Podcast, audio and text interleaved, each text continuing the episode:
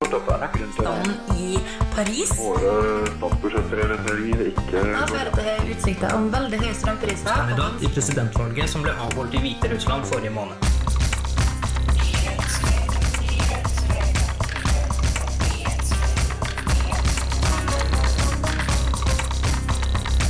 Nyhetsfredag.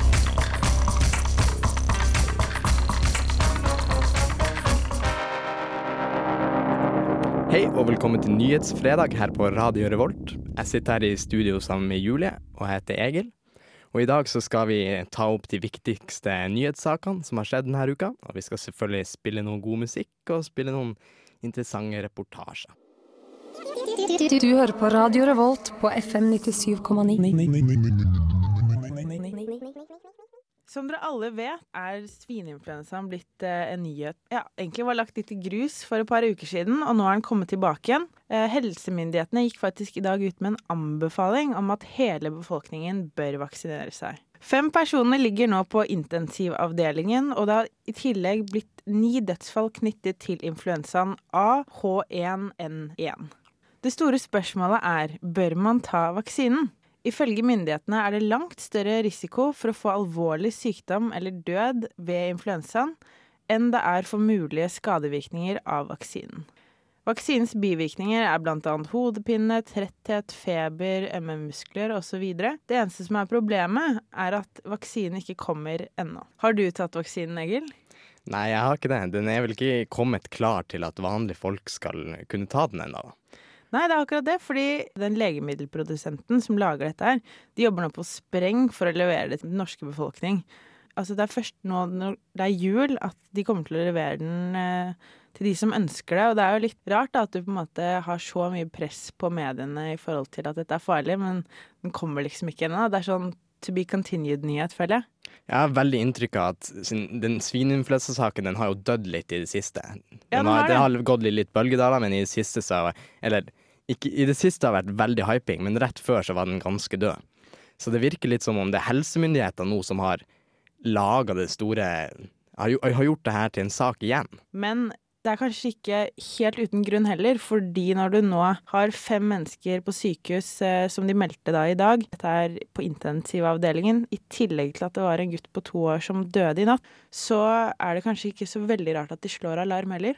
Nei, og det, det er jo en Men det, det er jo en slags sånn hvordan man personlig føler det i for- forhold til hva som er best for samfunnet. Personlig så tenker jeg litt sånn Hvorfor skal jeg ta vaksine? Det er jo ikke Jeg er ikke særlig redd for å få eh, litt influensa.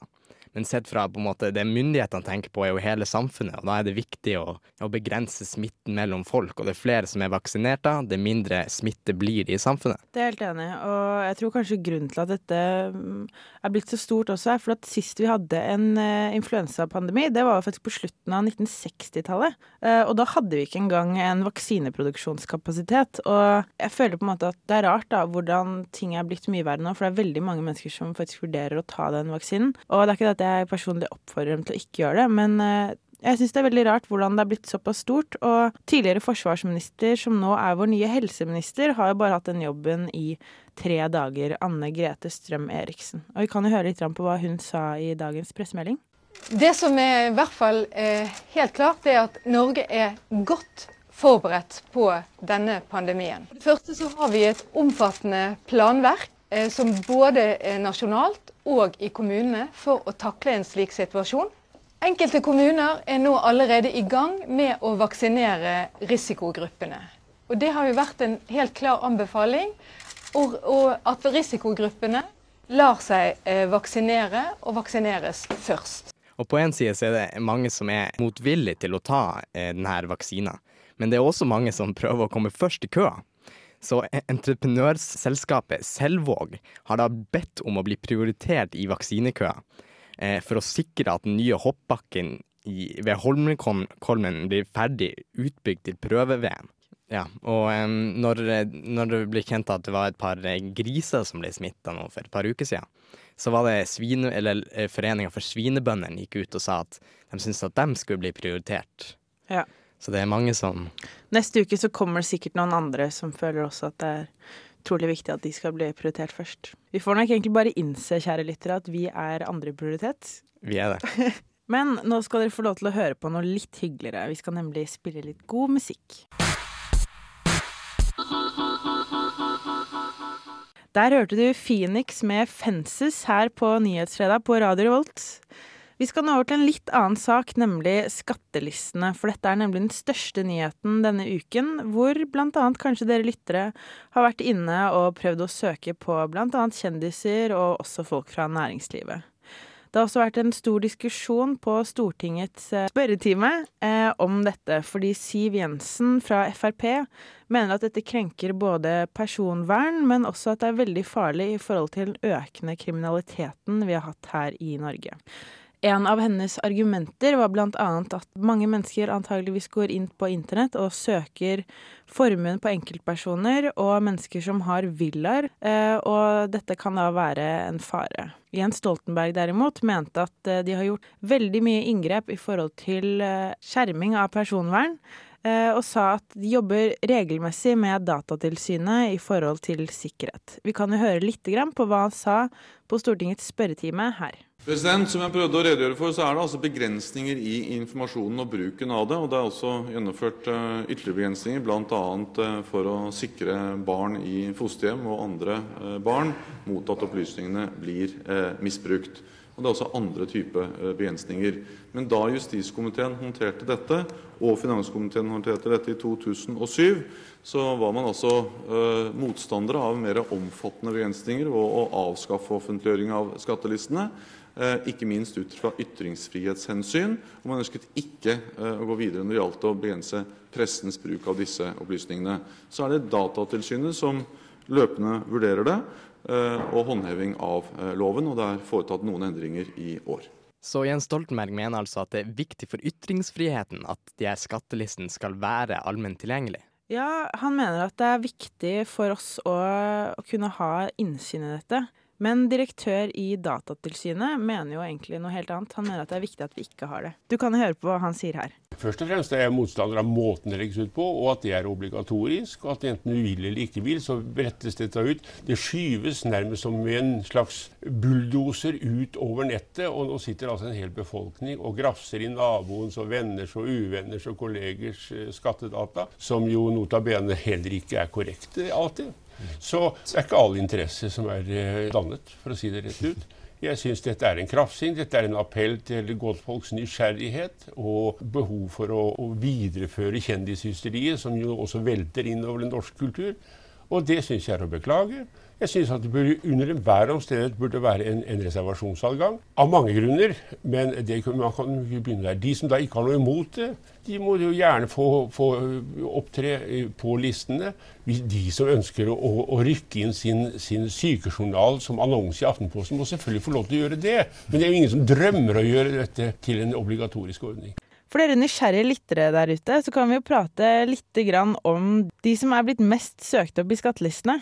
Du har jo litt peiling på det her, eh, Egil. Ja, Det viser seg at Jonas Gahr Støre er rikest i regjeringa med 40 millioner i formue. Så har vi de kanskje tre finanstoppene som er mest sjekka ut. Det er da eh, Kjell Inge Røkke, som har null kroner i inntekt, er han oppført som. Og um, 8153 millioner i formue. Stein Erik Hagen har heller ikke inntekt, men han har 1015 millioner i formue. Peter Stordalen har 953 i formue, formue, og heller ikke han betaler da inntektsskatt. Så vi ser da at de her tre finanstoppene, ingen av dem er oppført med noe inntektsskatt, eller betaler noe inntektsskatt, eller har noe inntekt, men de har, de har kun formue. Den offentliggjøringa har jo eh, fått kritikk fra bl.a. Høyre og Frp. Og det er interessant at Høyre og Frp er også imot eiendomsskatten i sin helhet. Så altså hvis eiendomsskatten ble fjerna, så ville Røkke, Hagen og Stordalen ikke ha betalt noe i skatt i 2008 i det hele tatt. Om skattelistene ble offentliggjort, ville aldri vi, altså offentligheten, fått vite at de her ekstremt rike menneskene ikke betaler noe skatt. Men for alle dere som er utrolig nysgjerrige og elsker disse skattelistene, ta det med en kilo salt, fordi det er veldig mye her som ikke stemmer. Nå skal dere få høre litt på The Cure. Denne sangen spiller vi hver fredag. Dette er Friday I'm In Love. I de siste ukene så har, eh, har det jo vært uka her i Trondheim, og da har vi her i Nyhetsfredag naturligvis snakka en del om uka. Og, eh, men det er mye som skjer på uka. Det er ikke, det er ikke bare konserter og fester som vi kanskje har snakka mest om, men eh, hver dag så har uka en Dagens Bedrift som har bedriftspresentasjon. Og, og en, den, uka sin største samarbeidspartner i, i år, det er Statoil Hydro. Så når Statoil Hydro var samarbeidspartner under uka, dagens bedrift under uka, så kom selveste direktøren i Statoil Hydro, Helge Lund, til Løshaugen for å holde bedriftspresentasjon. Hør på det. Han er CEO for 25% av Norges klimagassutslipp. Han har blitt sterkt kritisert av Fredrik Hauge og deklarert klimabølle av Natur og Ungdom. Statoil Hydro-sjefen Helge Lund ble mottatt av en fullsatt sal på NTNU, da han som representant for Statoil Hydro, som dagens bedrift på uka, deltok i en miljødebatt. Statoil Hydro har den siste tida vært i hardt vær for å til tross massiv press fra miljøbevegelsen og diverse politiske partier fortsette satsinga på oljeproduksjon fra sterkt forurensende oljesand i Canada. Helge Lund godtok på én side kritikken av oljesand som energikilde, men han argumenterte for at Statoil står i en særposisjon i dette spørsmålet. Vi skjønner kritikken og vi skjønner utfordringene, men vi tror altså vi langsiktig kan, kan, kan løfte prestasjonen i industrien. Statoil-sjefen var heller ikke enig i premissene for diskusjonen om oljesand. Bare for å sette perspektivet, I dag så kan jeg få inntrykk i den norske debatten at vi produserer mange hundre tusen fat fra oljesand hver dag. Vi produserer ikke ett eneste fat i dag. Og så får man inntrykk av at Statoil Hydro er det eneste selskapet som er innenfor oljesandsvirksomhet. Alle de store oljeselskapene er inne i den virksomheten i Canada, lignende virksomhet i Venezuela og flere og flere andre Eh, andre av denne type eh, kilder. Så det er greit at Statoil driver med oljesand, siden alle de andre selskapene gjør det, uavhengig av Statoil sin særegne posisjon som et statseid selskap, og uavhengig av Statoil sitt forsøk på å bygge opp et grønt image. Står ikke det her som en kontrast til oljesandprosjektene i Canada, som Statoil Hydro skal ta del i?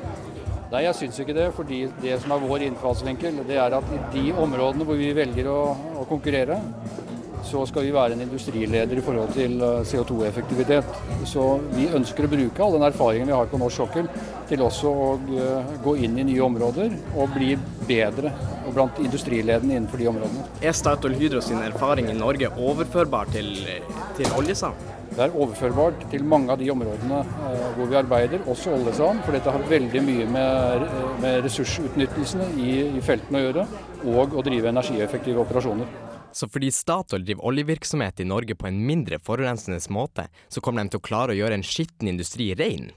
Hvorfor satser heller ikke Statoil på fornybare energikilder? Hvem vil vel ikke at strømmen sin kommer fra en vindmølle?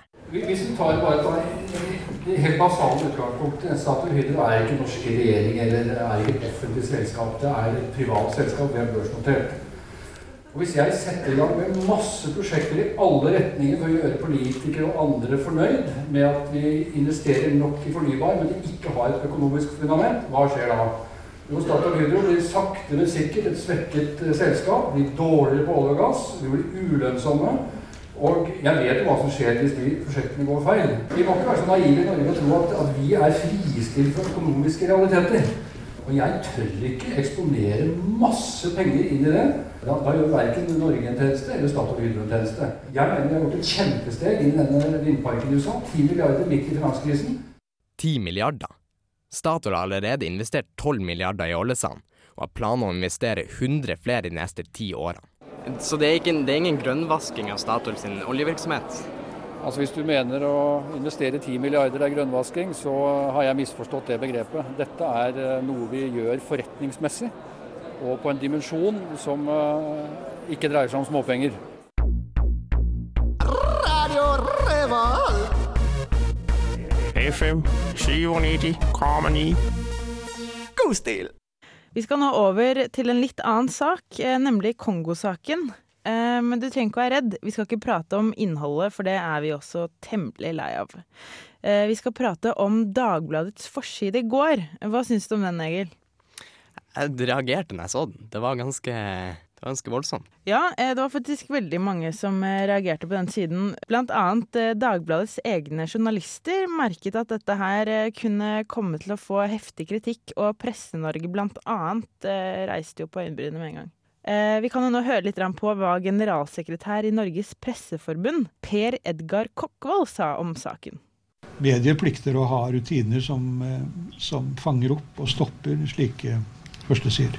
Og jeg ville, mener det ville vært uansvarlig å ikke fortelle om, eh, om Molands psykiske tilstand i går. Men det er forskjellige måter å gjøre det på. Det som har skapt så mye kritikk fra så mange hold, det var det at på denne forsida så sto det 'Se hvor syk han er', og så var det et par bilder av han Moland i en ja, ganske utsatt posis posisjon, kan man si. Grunnen til at veldig mange ble veldig provosert av det her, var jo fordi eh, det ble et spørsmål hvorvidt pressen skal bruke dette både av personvern, men også av eh, til hensyn til eh, familien hans. Og at det er lite medmenneskelig å vise en person som tydeligvis er såpass syk. Eh, det som også er flaut, er at BBC for to dager siden hadde en spekulasjon hvorvidt de mente at Moland hadde malaria i hjernen.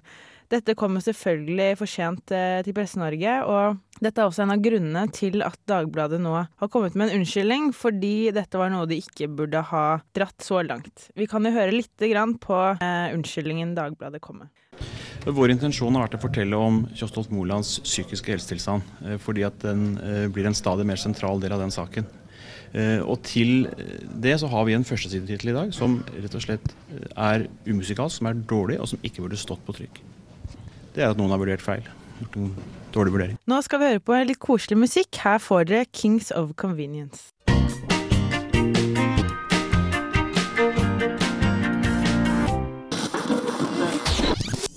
Radio Revolt.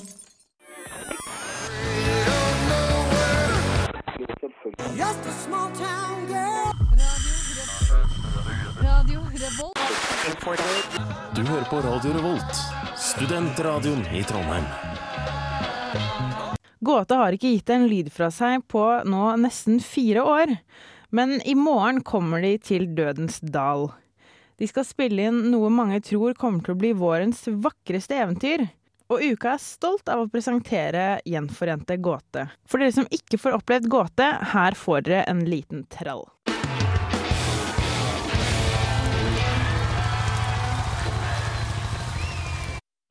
Radio Revolt.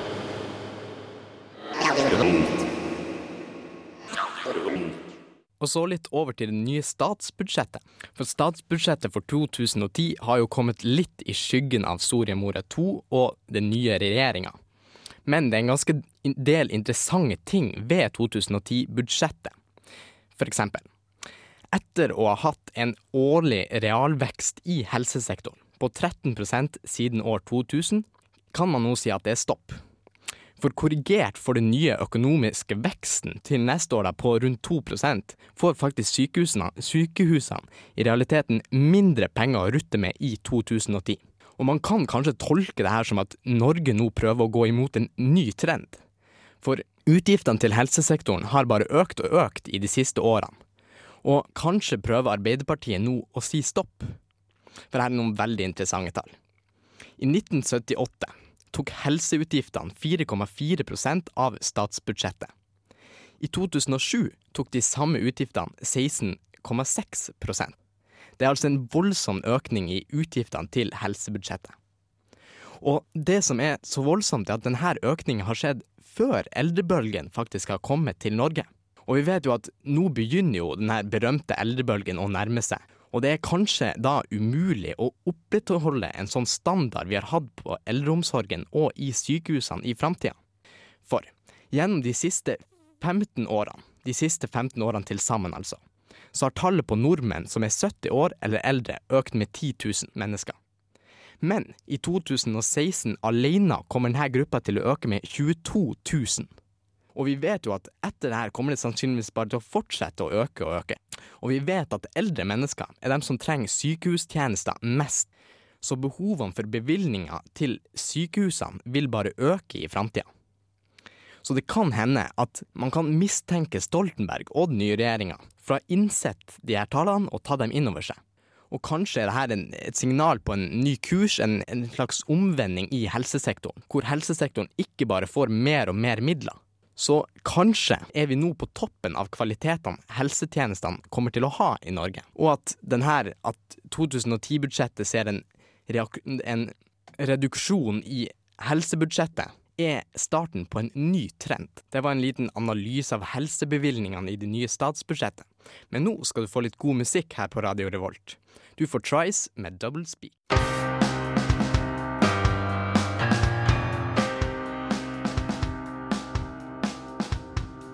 Du hører på Radio Revolt, studentradioen i Trondheim. Da var Nyhetsfredag ferdig for i dag. Takk for at du var med oss. Nyhetsfredag er tilbake neste uke til samme tid på Radio Revolt. Jeg heter Egil Ytterhus. Med meg i studio hadde jeg Julie.